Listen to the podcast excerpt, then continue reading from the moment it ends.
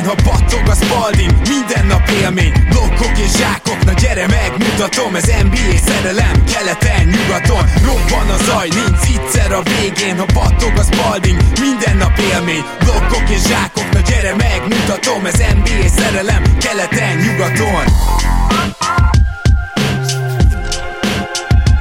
Éj jó! Szép jó napot kívánok mindenkinek! Ez itt a Keleten-nyugaton podcast, én Rédai Gábor vagyok, és mint mindig most is itt van velem másik házigazdánk, Zukály Zoltán. Szia Zoli! Szia Gábor, örülök, hogy itt lehetek. Itt a tavasz, dagad a el-oszlop kedvenc csapatomnál, úgyhogy Igen. ez van. Hát... Nem, tudom, nem tudom, hogy az időjárásnak is köszönhető, hogy leszakod a fejem, vagy, vagy a mavericks hát nem mondanám, hogy egyre rosszabb teljesítmények, de hát elég rosszul is kezdtünk, úgyhogy hát ez van. Remélem, hogy, hogy összeszedjük magunkat. Többre számítottam, de, de azt hiszem, hogy a Mavs-ről van, amin fogok beszélni, meg ugye egyébként is már beszéltünk róluk a múltkor, úgyhogy talán ők ma kimaradnak. Így is van. Ugye mai overreactionünkbe kiválasztottunk 8 csapatot, a, amiről talán egy picit kevesebbet beszéltünk az előző ilyen összefoglaló adásba Pándi Gergővel. Mondjuk az egyik a Denver, amiről azért volt szó, de nem teljesen, hogy, hogy, hogy miért is ennyire jók. És talán kezdhetjük is velük, mert jól tudom, Zoli, akkor te hoztál pár adatot, statisztikát velük kapcsolatban, és biztosan lesz arról is szó, hogy megváltoztatták a védekezési sémájukat, és ez eddig nagyon bejön. Így van, pontosan.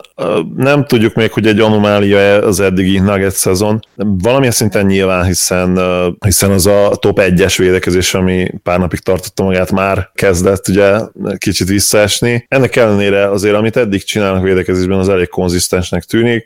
Jokic is kicsivel jobb, ugye megint, bár nem megint, hanem még mindig ugye az advanced statok imádják őt, top 5-ben van azt hiszem az egész ligában, jelen pillanatban védekezésben, ugye egy ideig vezette is még a DBPM-et, ugye a Real GMS plusz-minusz adjusted statot. És ugye egyébként, ami, ami fontos lehet nyilván, hogy mi az a egészséges, illetve Craig is bekerült ugye a kezdőbe elég gyorsan, sajnos kidőlt Barton, aki támadásban azért nyilván hiányozni fog, és arról lehet, lehet is beszélni egyébként, hogy Nuggets támadásban eddig hát nem feltétlenül az igazi, ugye, ha a defensive ratinget megnézzük, akkor ott harmadikak, viszont támadásban, ha jól emlékszem, erősen, erősen középmezőny tagjai. Mindjárt most nézem, meg... de igen, szóval azt hiszem, hogy top 15-ben sincsenek, vagy nem voltak tegnap. most már feljöttek az a 11. helyre, ami nem rossz, hogy az NBA.com-ot nézem. Nyilvánvalóan az offense az rendben lesz, az biztos, hogy szerintem top 7-es lesz legrosszabb esetben, de inkább azt gondolom, hogy top 5-ös. A védekezésen fog múlni nyilván az, hogy, hogy idén tényleg szinte tud elépni a Nuggets. Ha, ha az megmarad akár top 10-esnek, amivel egyébként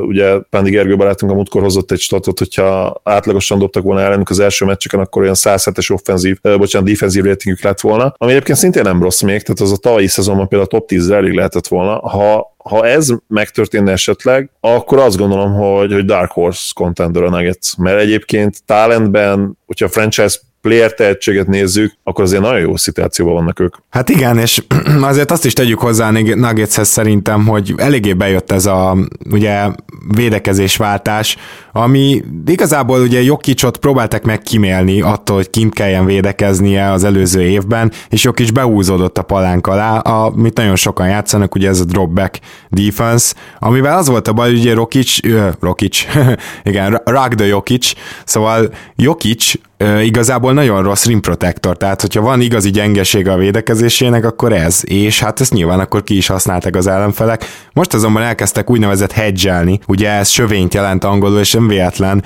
hogy ezt a kifejezést használják. Ez azt jelenti, hogy egy pillanatra, vagy akár nagyon agresszívan is fellép a magas ember, kilép a pick and roll védekezésnél, és szinte ketten egy pillanatra becsapdázzák, de mondom nem, nem konstans csapdázásról beszélünk, csak egy picit fellép a ball handlert, aki így nem nagyon tud ugye tovább passzolni, úgyhogy ki kell belőle passzolni a oldalra. És egyelőre ez működik. Igen, és azért is működhet egyébként, mert ti említetted, hogy mi Jokic legnagyobb gyengé védekezésben, legnagyobb erőssége viszont a passávokba a belenyúlás, a, a stílek. Ez a része a védekezésnek nagyon erős, és ez a hedge-ben sokkal jobban ki is tud jönni, tehát nagyon jó helyen szokott lenni, nagyon jó érzékkel, hiába nincs meg a sebessége, ugye a hosszú karjai azért megvannak, és nagyon jó érzékkel bele tud lépni a passávokba. Idén már volt azt hiszem 4-5 stíles meccse is, ami hát egy centertől egészen hihetetlenül jó. És, és ez tényleg ez a rendszer, ez azt is jelenti, hogy Millsap akár be tud segíteni mögé. Bizony. Hogyha, hogyha betörések vannak. Abban meg szerintem a ligában top 5, magas emberek közötten top 3. Így van, pontosan ez az erőssége Millsapnak, és ilyenek is azért van egy elég nagy wingspanje, és így, hát még nem néztük meg a statokat, még ugye nagyon korán van még, de jó eséllyel azért, azért kevesebb könnyű kosarat tud majd kapni a Nuggets védekezésben, és a támadásban meg az egyik legtöbb könnyű kosarat szerzik a festékből, és ha a triplázóik konzisztensek tudnak lenni, ugye itt elsősorban gondolok Murrayre, Jokicra Harris. és Harrisre, akkor, akkor nagyon-nagyon veszélyes lehet ez a csapat idén. Igen, én azért azt várom egyébként, hogy azért top 10 defense az, az, az erős lesz nekik, főleg azért is, mert rengeteg saroktriplát adnak fel. Nyilván mondjuk ennek a hedge rendszernek ez biztos, hogy része, mert emögé mindig be kell szinte segíteni, és akkor nyilván a sarokból segítesz be, szóval valamit valamiért. Nem vagyok benne biztos például, hogy playoffba ez egy jól működő védekezés lehet, és abban sem vagyok biztos, hogy top 10 az alapszakaszban, de én azt mondanám, hogyha egy top 15-be bent tudnak maradni, tehát a mezőny első felébe, és a támadást végre vissza tudják hozni mondjuk top 5 közelébe, szerintem az is elég lehet nyugaton egy harmadik, negyedik helyre minimum. És, és azért az, az teljesen rendben lenne egy lépésként, mert azért Szerintem a Denvernél fontos azt is megjegyezni, hogy ők azért nem jutottak be a playoffba, éppen hogy csak nem, de se tavaly, se tavaly előtt. És hogyha ők most harmadik, negyedik helyen mennének be, akkor szerintem teljesen elégedettek lehetnek. Igen, főleg, hogy azért a, a mag, hogyha megnézzük, azt hiszem, hogy a legidősebb Harris, aki 24 éves talán. 25, de igen. Tehát... Igen, és ugye Jokic is, Jokic is 23, Murray 21, úgyhogy nagyon fiatal még a mag, még ők még fejlődhetnek egyértelműen. Abszolút, és szerintem akiről még érdemes külön beszélni, most egyébként amellett, hogy a Denvernek a statisztikáiban nagyon sok kiugró dolog szerintem úgy nincs, kivéve Jokic elképesztő hatékonyságát, de mondjuk Monte Morris, mert hogy ő nagyon úgy tűnik, hogy tényleg úgy kezdte ezt az évet, ahogy a Summer League-et is végigjátszotta, meg ahogy a preseason is, hogy ez az ember ezt tényleg képes irányítani egy csapatot, és ilyen szempontból az a csere irányító érkezett meg, akit már oly régóta várt a Denver. Igen, és uh, egyébként közben megnéztem, Harris most töltötte be 24-et egy hónapja, úgyhogy, úgyhogy 24 éppen, hogy most lett 24. Akkor sorry. Uh, Morris uh, szenzációs, és hát uh, azt hiszem az egyik tipped az volt, hogy, hogy Tomás be se kerül kb. Nem, azt hiszem ez egy bolt tipp volt egy pontért, vagy háromért, és azt mondtam, hogy Tomás bekerül, de aztán az év végére megint Morris lesz a csere Igen, hát szerintem be, lehet, hogy be se fog kerülni Tomás, tehát annyira jól játszik uh, Morris, hogy hihetetlen, tehát a Lakers ellen is játszott 27 uh, percet, 20 pont, 7 assziszt, és ez a 7 assziszt, ez nem is az első 7 asszisztos meccse volt idén. A Sacramento ellen is 7 asszisztot tudott uh, feljegyezni a mérkőzés során, és bedobálja a tripláit eddig, tehát uh, még azt, azt mondanám, hogy, hogy olyan kevés field goal attempt kísérlete van, hogy, hogy az nagyjából mindegy is, hogy 40% alatti, mert nagyon jó passzjátéka van, alig adja el a labdát, eddig 0,4 TO-t átlagol, 4 assziszt felett. Brutál. 4,4 assziszt volt, úgyhogy megtalálta lehet az ember a tökéletes cseréirányítóját, és nem biztos, hogy szükség van innentől ez a Tomásra, akkor se, hogyha egészséges lesz. Igen, amit meg ki, ki tudja, hogy mikor lesz, ugyanígy nem tudjuk, hogy Michael Porter ebben az évben számításba jöhet el, de az is nagyon érdekes, hogyha ebből a kettőből egy úgy jön számításba, hogy még jó is, az meg még egy plusz jelentett a Denvernek, bár azt is hozzátenném, hogy Tomasztól én azért is félnék most, mert a cseresornak a védekezése azért messze nem olyan fényes. Például Morisszal a pályán is elég rosszak védekezésben, és hogyha ehhez még Isaiah Tomaszt hozzávesszük, akkor ott, ott komoly problémák lehetnek, úgyhogy ez majd Igen. még tényleg a jövő kérdése.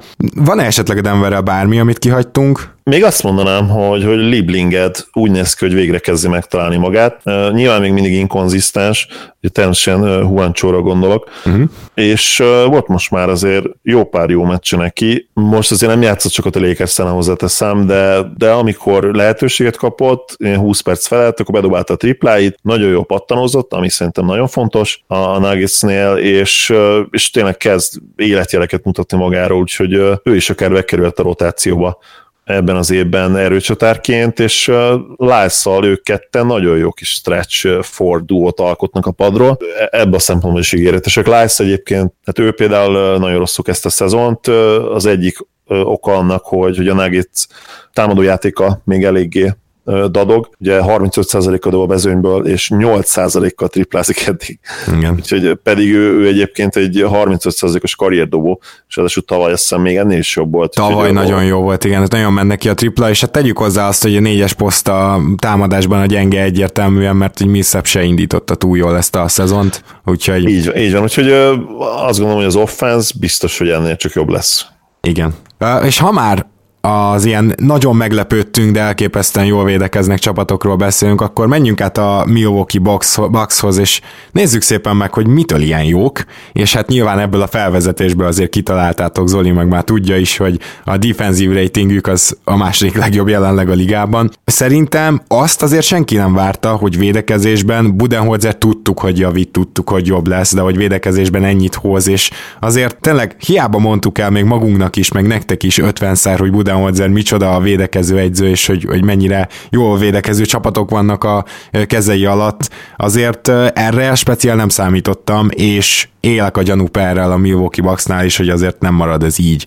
De sokkal többet váltanak, és ami nagyon érdekes, hogy ugye ezt egy emberrel nem lehet a kezdőből megcsinálni, Brook Lopez, őt viszont nagyon jól rejtik ilyen szempontból, ő megy vissza szépen gyakran a palánk alá, illetve ami még nagyon feltűnő számomra, hogy ugye nekik sokáig a sarok tripla az ilyen hatalmas problémájuk volt, hogy állandóan üresen hagyják, hát most, most azért nem ez a helyzet. És nem is tűnik rossz húzásnak védekezés szempontból sem az, hogy Brogdon kezd kettesben.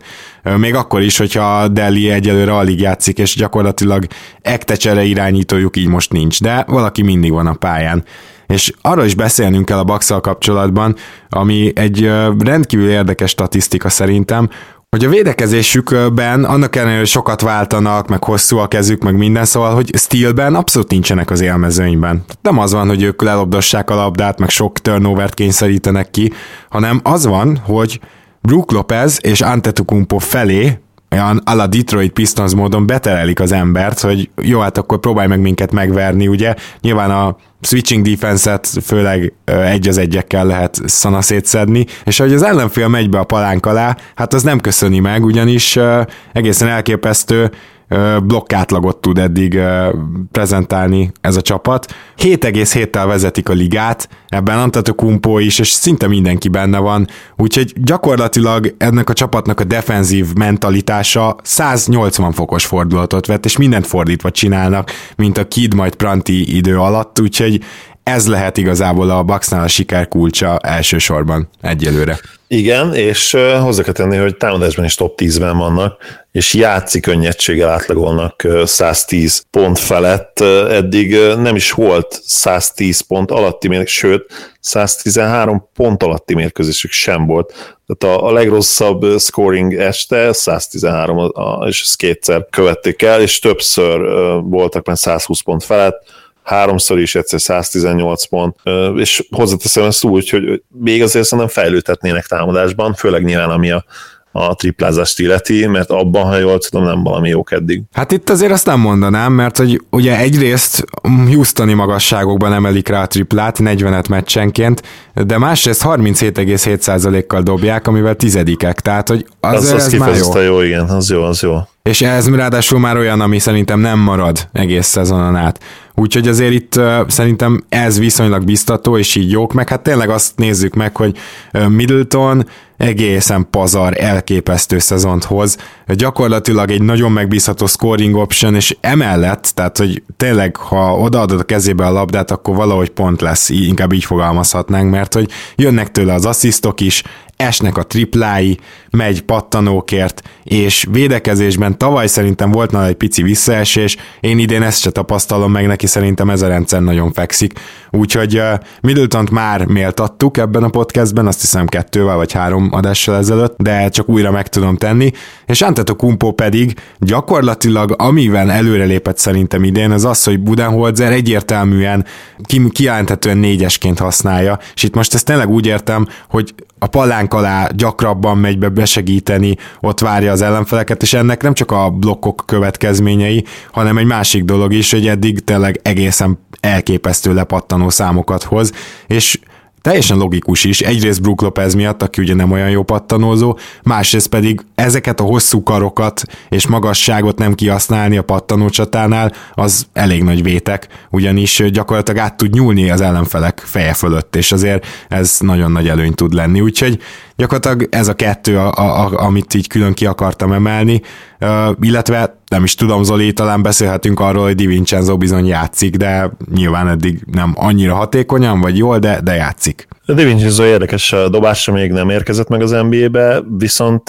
hasznos, én azt gondolom. Tehát benéztem két Bucks meccsbe is, és azért jó dolgokat csinál, úgyhogy nem véletlen, hogy megkapja ezt a ezt a 18 perc körüli játékidőt, és én azt gondolom, hogy ez meg is fog nála maradni, mert, mert amit ő tud hozni, azt, azt nem biztos, hogy a cserepadról jelen pillanatban más is tudja. Hát szerintem akkor menjünk tovább, melyik csapatot hoztad még? Beszéljünk egy kicsit a Sacramento Kingsről. Ó, szerintem a, a legnagyobb megfejteni való, nem, hogy mitől ilyen jók, vagy hát relatíve jók. Azt gondolom, hogy, hogy Fox javulása az elsőleges indok arra, hogy, hogy eddig 50%-on állnak, ami hát nyilván azért annál lényegesen jobb, mint amire számítottunk tőlük. Ugye nagyon gyenge csapatnak várjuk, talán még mindig várjuk, de mindenképpen vártuk őket a, a szezon előtt. Hogyha megnézed az advanced statokat, akkor támadásban 12-ek, azt gondolom, hogy, hogy azért az nekik kifejezetten jó.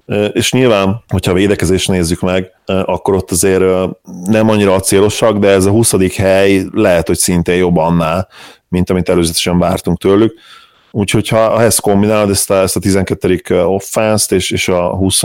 védekezést egyelőre, akkor azért értető, hogy miért tudtak eddig három meccset nyerni, és uh, nyilván itt a, itt a kulcs a támadás, tehát egy majdnem top 10-es offense, úgy, hogy Bogdanovics meg vissza se jött, azért, azért az erős, és itt egyértelműen Fox, akit ki kell emelni, de egyébként Willi Kolisteinnek is volt már több 20 pontos mérkőzése, e, és e, ami nagyon fontos, hogy a Randolph nem játszik, nincs is a csapattal, jelen pillanatban, ha jól tudom, e, egyik nézőhallgatónk írta talán az élő alatt, hogy, hogy ilyen üzleti ügyeit intézi. Kanadában.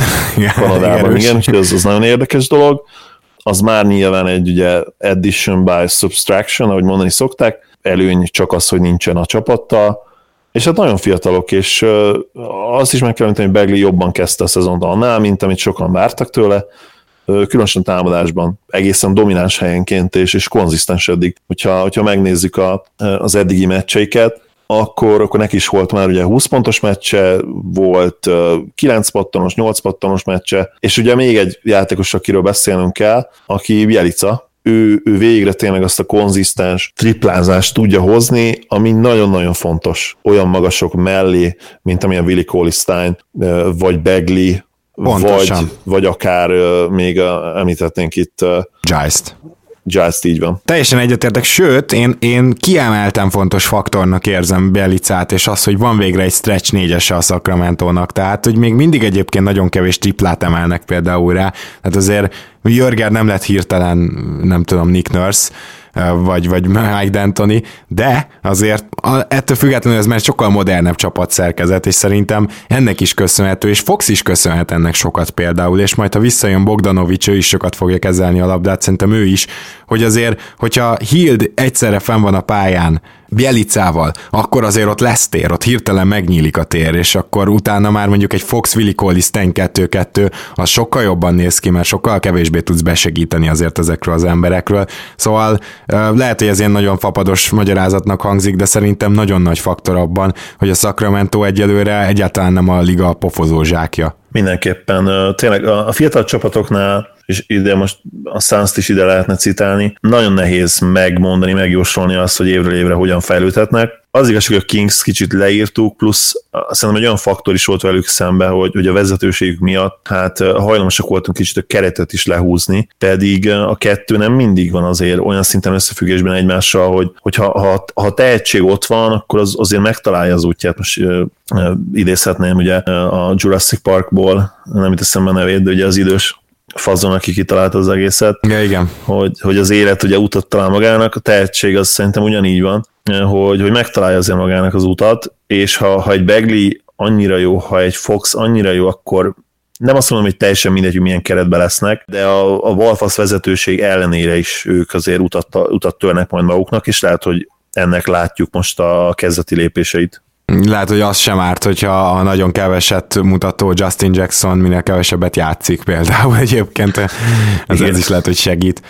Menjünk egy kicsit a South Beach-re, és szeretnék egy kicsit a Miami-val foglalkozni, amelyik teljesen fű alatt mozog, tényleg nem szólnak a tudósítások szinte egyáltalán a hitről, viszont 3-2-vel állnak, és nekem az az érdekes a hitben, hogy ugyanúgy ötödikek védekezésben, szóval ugyanúgy védekezésben, jók támadásban, meg middle of the pack, tehát ez a 14 Tehát semmi nem változott mondhatnánk, de mégis változott, mégis van egy-két szignifikáns dolog, amit máshogy csinálnak, és ezt tök jól kimutatják már most a statisztikák, úgyhogy ez, ez számomra nagyon érdekes, de lehet, hogy ez inkább következménye annak, hogy ugye nagyon komoly sérültekkel kezdenek. És nem is a sérülések komolyságáról beszélek, hanem hogy a komoly rotációjátékosok nem álltak, vagy nem állnak rendelkezésre. Ugye már többször végigmondtuk, de ugye Például James Johnson még mindig nincsen, Dion Waiters még mindig nincsen. Többiek azt hiszem már lassan visszatértek, nem lehet még Ellington sem.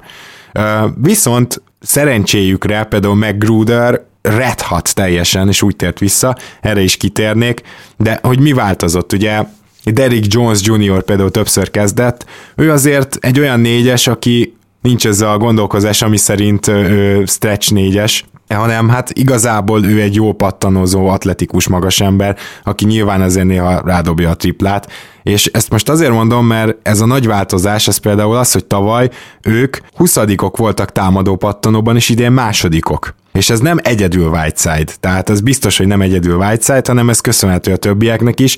Tehát egy picit a ligának a az ilyen irányzatával szembe menve a, a Miami egyértelműen a támadó lepattanozást most egy kicsit előtérbe helyezte, és egyébként ez a pattanózásukon is meglátszik, mert hogy abban meg elsők az egész ligában. És ez se volt így, a közelőbe se volt ez tavaly, úgyhogy ez egy ilyen, ilyen nagyon jelentős változás szerintem. 34 tripla kísérletük van meccsenként, amivel a 9. legtöbbet dobják rá, ami nevetséges, hogy a 34 csak 9. Viszont mindezzel együtt azért sok az eladott labda, tehát ettől még szenvednek, ami nem csoda, főleg az említett hiányzókat, hogyha megnézitek. Nyilván ez a csapat nem igazán van összeszokva, és hát gyakorlatilag akiket nagyon érdemes kiemelni, az Dragic, nem azt mondom, hogy fantasztikusan játszik, mert egyelőre a középtávoli nagyon nem esnek be, és a gyűrű alatt azt hiszem 59%-kal dolgozik, amiért sokan elfogadnának, de Dragic tényleg egy elit irányító ilyen szempontból, úgyhogy ő neki ez kb. karrierje egyik legrosszabbja. És akkor amit viszont nagyon érdekes kiemelni, hogy ő neki négy tripla volt a legtöbb rádobott eddig. Egész életében, amíg az NBA-be játszott, négy triplánál nem dobott rá többet szezon, ö, meccsenként most 6,2 dob. Úgyhogy ez például egy ilyen teljesen nagy változás lehet az ő és a Miami játékába is, ráadásul egyelőre 39%-kal tüzel.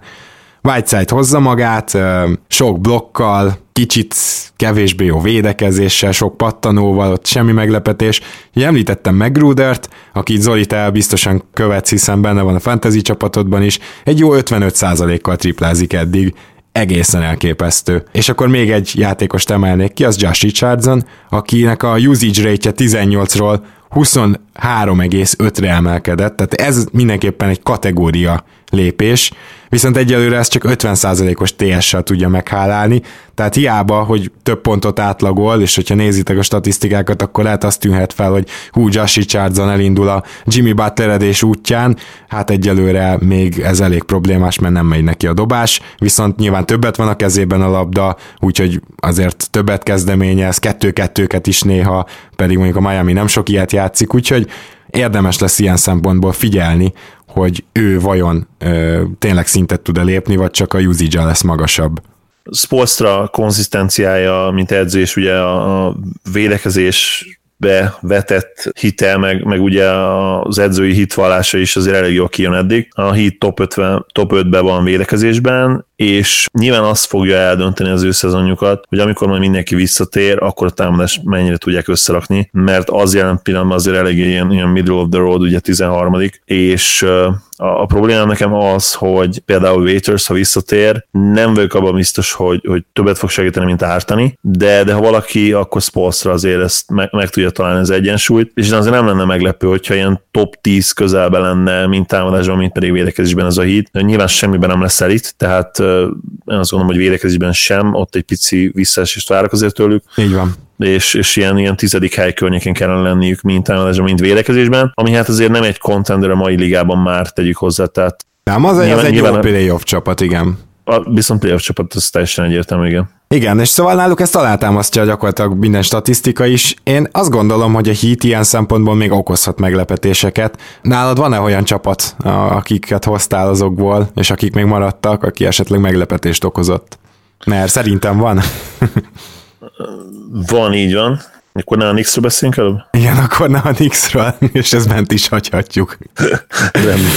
Oké. Okay.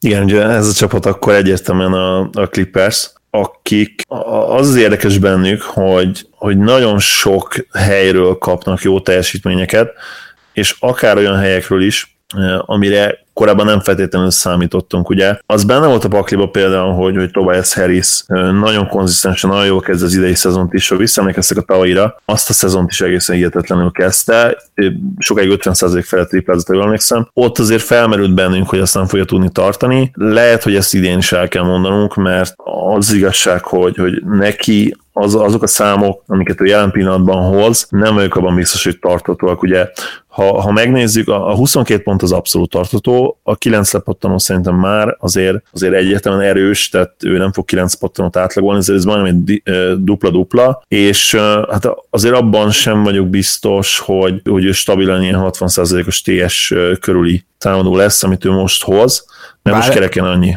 Igen, de egyébként ez, ez azért nem lehetetlen. Tehát a igen, mondjuk talán ez nem lehetett a kategória, de, igen. de ő egyértelműen azért egy, egy, egy jó erős all szinten van jelenleg, ami mondjuk még meglepőbb, hogy, hogy Gallo is gyakorlatilag, nyilván, hogyha lepattanóban nem is, de ugye egyébként nagyjából meccseli ezeket a, ezeket a statokat eddig, ő 19 pontot hoz, 7 lepattanóval, két asszisztal, és egy steal, meg egy dobásblokkolás is felkerekítve belefér még ebben, 46%-kal mezőnyből, 43%-kal triplázik, ami neki azért egyértelműen bőven career high lenne, és, és ebben sem meg biztos, hogy tartható, és ő is 60%-os TS-e, tehát gyakorlatilag van két all eddig, legalábbis ami a játék szintet illeti, és hát főleg Gálónál azért én azt hiszem, hogy számíthatunk arra, hogy, hogy ez visszaessen, és akkor még ugye nem említettem azt a Shai Gilgis Alexandert, aki, aki nagyon jól szállt be így, így az NBA-be. Ami egyébként kellett is, mert azt tegyük hozzá, hogy mondjuk a Bradley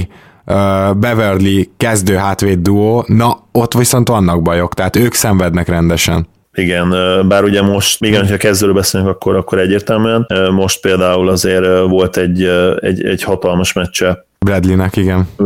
Bradleynek is így van.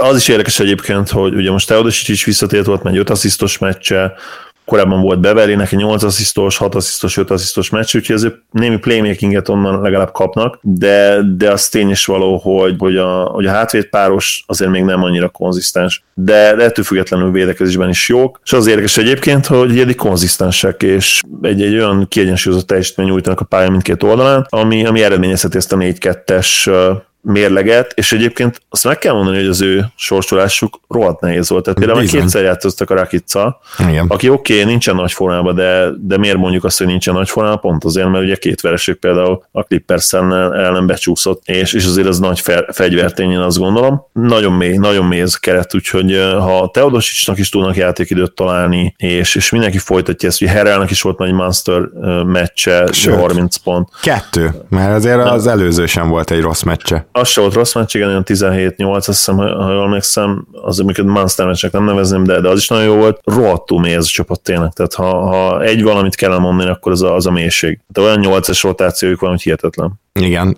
és ez a rotáció az simán lehet 11-12-es is bármikor, hogyha valakinek nem megy. Tehát ugye kísérleteztek az elején, hogy Marjanovic és Herrel is játszik, aztán ezt abba hagyták, most csak Herrel játszik, de hát nem akármilyen statokkal hálálja meg. Gyakorlatilag a Clippersnek a cserepadja, főleg a Lou Williams-t is ide veszed, akinek, aki teljesen konzisztens, tehát így hoz egy tizen pár pontot, meg pár asszisztot, amit tavaly is hozott, kicsit talán kisebb volumenben, meg nyilván sokkal kisebb usage van most rajta, mert, mert nem sérült mindenki, aki pontot tud szerezni a csapatból, tehát, de ő is konzisztensen hozzá, és amit akarok mondani, hogy ennek a csapatnak a, a csere csapata az majdnem olyan erős, mint a kezdője. Igen, és egyébként Bobán megint azért 12 perc jutott neki, hát meg, meghálált egy szerény 13-9-el, két, blokk, két blokkal, 86%-kal a mezőnyben. Egészen elmeveteg dolog az egész Bobán jelenség, és valamit ki kell rá találni. Tényleg hihetetlen. Ez annyira jó lenne, ha lenne egy borzasztó csapat, semmi más céljuk nem lenne egész szezonban, hogy Bobánnak minden este 30 percet találni, vagy 32-t, annyit szerintem talán még bírna 30-at biztos, vagy akár 28-at, hogy megnézzük és lássa a világ, hogy ő mit tud átlagolni egy NBA szezonban. Igen, végre lássunk újra egy ilyen 40-20-as szezont, amit Chamberlain óta nem láttunk. Igen, nyilván nem, de hát szerintem a 20 10 olyan játszik könnyedséggel átlagolni, hogy hihetetlen. Tehát, hogyha egy Enes Kenter tud 20 10 átlagolni, jó, nyilván a, a, bejönne a fáradtság faktor, tehát ezt a 7-6-os, 135 kilós vagy 140 kilós testet cipelni, nem biztos, hogy egyszerű és ott lehet, hogy már mondjuk lábsérülések is előjönnének nála. Nézzünk át egy olyan csapatra, aminek sokkal kevésbé biztatóbbak a kilátásai. Az Orlando Magicről beszélek, amelyik ugyan nem rajtolt rosszul, de őszintén szólva eddig az a csoda, hogy nyertek két meccset. Döbbenetesen rosszul támad a Magic, tehát 29-ek, de ezt majd egy picit jobban le is bontom, hogy miért és hogyan. Nyilván azt szerintem ti is tudjátok, mi is szoktuk hangsúlyozni, hogy a szezon elejé statisztikáknak bizonyos részének már ilyenkor van értelme, de például a shooting százalék az még nagyon-nagyon, hogy is mondjam csak, sokat változhat. Tehát van, amikor tényleg nagyon jól kezdi egy csapat ilyen szempontból, ha már az Orlandónál tartunk, ugye tavaly ők ezt csinálták, és van, amikor nagyon rosszul. Hát most ilyen szempontból a nemi szerv másik végén vannak, mert hogy valójában tényleg elképesztően rosszul kezdték uh, shootingban ezt az egészet. Viszont azt hozzátenném, hogy védekezésben ez egy 18 ok ami mindenképpen előrelépés, és ugye náluk nyilván ez volt a nagy elvárás, hogy védekezzenek már úgy, ahogy ez a keret tud, úgyhogy úgy látszik, hogy Vogelnek nem megy, és lehet, hogy Cliffordnak azért ez menni fog. Na most, hogy miért mondom azt, hogy csoda, hogy nyertek kettőt, és kettő négyel állnak, mínusz 10,6-os net ratingjük van eddig amit még hm. nyilván a net rating is még kicsit félrevezető, de a mínusz 10,6 az nem annyira. Tehát, hogy szoros, két szoros meccset tudtak nyerni, a Boston elleni meccsük minden szempontból anomália volt. Az egyetlen meccs, ahol viszonylag jól védekeztek, bár a Boston is nagyon sok mindent kiagyott ott, meg nem, tényleg nem játszottak jól, és összességében se támadnak eddig jól, de azt az egyetlen egy meccset kiveszed, akkor gyakorlatilag az Orlandó garantált, hogy 115-120 pontot kap. És nem nagyon tudják megállítani, ami nekik még elég kellemetlen, az az, hogy Vucevic nagyon jól dob, és ő az egyetlen a csapatból. Tehát Vucevic 1,4 point per possession dolgozik eddig. Hát az egészen elit, brutális, 65%-os TS mellé, és amíg ő pályán van, a támadó ratingük csak 102, a védekezés pedig 114. Szóval ezt, ezt kell valahogy feldolgozni, hogy Vucevic a legjobb támadód, igen, elképesztő százalékokat hoz, sül a keze, jól dobja a triplát, bár nem dob rá sokat, minden rendben van vele, de a csapat ilyenkor szar, és nem tudom, hogy ez a hogy küzd meg az Orlandó, majd nagyon kíváncsi leszek. Egyébként direkt megnéztem, hogy Bambával mi a helyzet, és vele a defensív rating jobb, de nála meg az a probléma, hogy amikor ő pályán van, akkor az offenzív rating az egy szerény 87,8-as, ami Jézus. a mai ligában el se tudod képzelni, hogy ez létezhet egy játékossal kapcsolatban. Uh, szóval igen, mindezzel csak azt akarom mondani, hogy nem arról van szó, hogyha beteszed bombát, akkor hirtelen megjavul az Orlandó. Yeah, igen.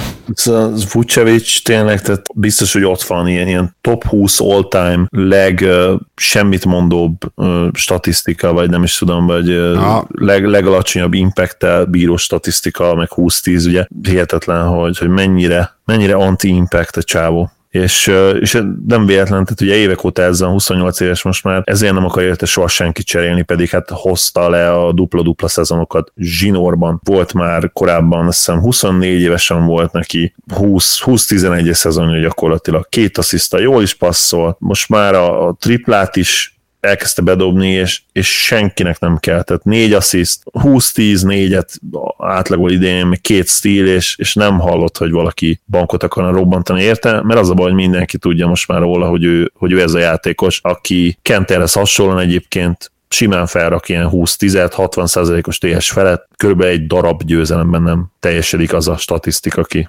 Igen. Ugye mondtam, hogy két szoros meccset nyertek meg, nyilván ilyen net rating mellett azért nem valószínű, hogy bárkit kiütöttek, ezt gondolom ti is kedves hallgatók éreztétek, de azért azt is tegyük hozzá mindehez, hogy amiért biztató lehet a jövő Orlandóban, az az, hogy egyelőre rádobnak 32 triplát meccsenként, ami, ami egész jó, tehát ez egy, ez egy modern kosárlabda, és szerintem ettől lehetett őket félteni egy ilyen egyzővel, akit amúgy nagyon kedvelek, csak hát ugye nem feltétlenül az analitikus kosárlabdát láttuk tőle eddig, meg a csapataitól, de hát Fournier-nek és Gordonnak is ilyen irgalmatlan, hogy mennyire nem esnek be a dobásai, viszont sajnos az is lehet, hogy ez nem annyira véletlen, mert nem ártana egy irányító. Én nagyon kedvelem DJ Agustint, egy kiváló csere irányító, abszolút nem alkalmas arra ő, hát egyrészt védekezésben ugye, de másrészt igazából támadásban sem, nem rossz szervező, meg ugye a ball handlingje az valószínűleg top 5 az egész NBA-ben, de ettől még, ettől még nem fogsz irányítani egy csapatot meg, meg főleg hatékonyan irányítani egy csapatot, és hát nem is feltétlenül ez az Orlandó játék, hanem sokat kapja Vucevic különböző helyzetekben a labdát, akár a könyökben, akár ö, posztban, illetve Gordon és Fournier pedig rengeteget egyegyezik, ami viszont nem jó. Tehát, hogy Fournier még csak-csak, de egyébként most ő se hatékony.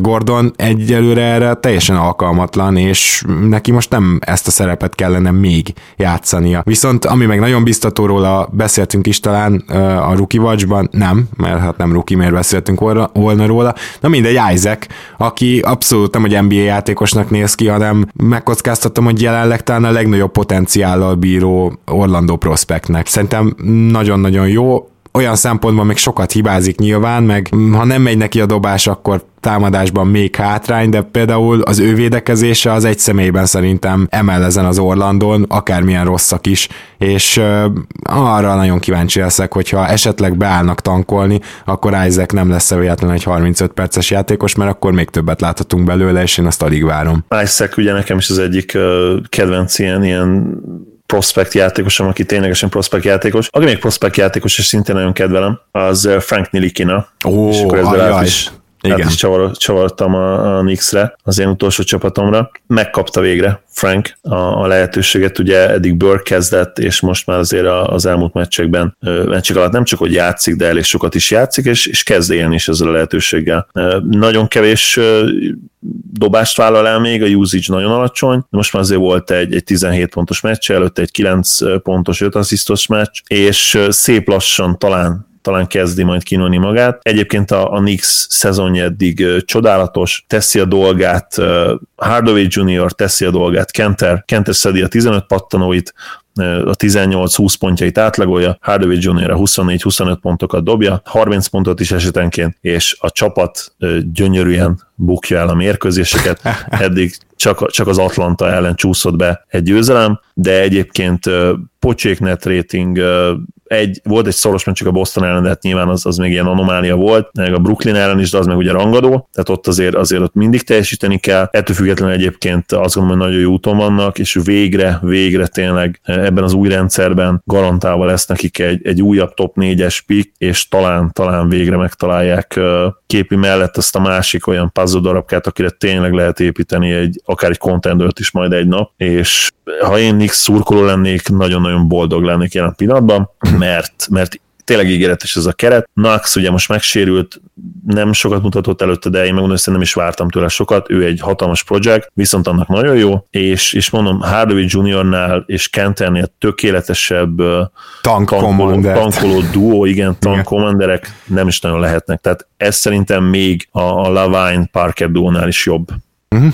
Azt a, olyan szépen összefoglaltad, hogy elnézést kérünk a New York fanoktól, de ennél többet talán nem is tudunk mondani erről a csapatról, szerintem ez tökéletes összefoglalás volt. És akkor Zoli, ma ennyi volt, nagyon szépen köszönöm, hogy itt voltál velünk ma is, és hát ezen a héten még mindenképpen jelentkezünk majd, ugyebár. Örülök, hogy itt lehettem. Szia Gábor, sziasztok! És természetesen ne felejtjétek el azt, hogy ennek az adásnak is van egy különleges támogatója, a Gaminator app, amit most itt a végén, végén mondunk. Mindenképpen próbáljátok, kitöltsétek le, online kaszinójátékok gyűjteménye gyakorlatilag, tök jól el lehet vele szórakozni, és szerintem élvezni fogjátok, úgyhogy hajrá, töltsétek le akár iOS-ból, akár Androidból. Minket pedig a patreon.com per keleten nyugatonon tudtok támogatni, ott megtaláltok, ahogy ezt jól tudjátok. Köszönjük szépen, igen, hogy hallgattok. Igen, és ha jól tudom, 170 felett vagyunk, úgyhogy ha összejön a 200 még karácsony előtt, akkor szerintem az lesz, hogy, hogy sőt, nem csak úgy szerintem az lesz, hanem ugye ezt megígértük. Tehát ha összejön a 200 patron addig, akkor a második százas között is fogunk sorsolni még egy meszt, és akkor szerintem karácsonykor az egész branch, ugye mind, mind a 200 remélhetőleg patronunk között megint kisorsolunk majd valami extrát, úgyhogy hajrá, és nagyon szépen köszönjük a támogatásokat. Nekem, nekem hangfelszerelés szuper, amit, amit nektek köszönhetően is meg tudtam venni, és, és egyébként tervezünk még ennél is vadabb nyereményjátékot, de, de azt szerintem akkor materializálódhat, hogyha tényleg összejön a 200 patronunk, de, de az nagyon durva lenne, hogyha az összejönne, úgyhogy uh, tényleg köszönjük, és, és én nagyon remélem, hogy, hogy, hogy ezek a tervek is valósággá válnak hamarosan. Így van, és köszönjük szépen megtisztelő figyelmeteket, sziasztok! Sziasztok!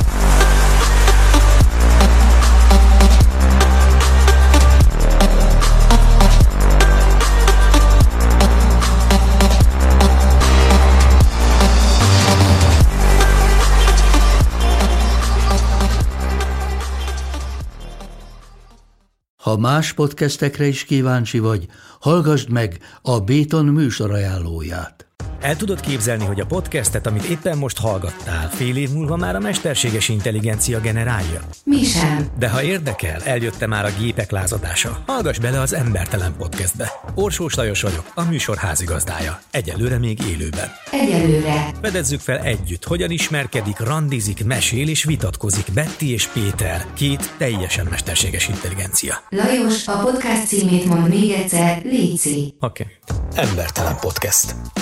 Ez a műsor a Béton közösség tagja.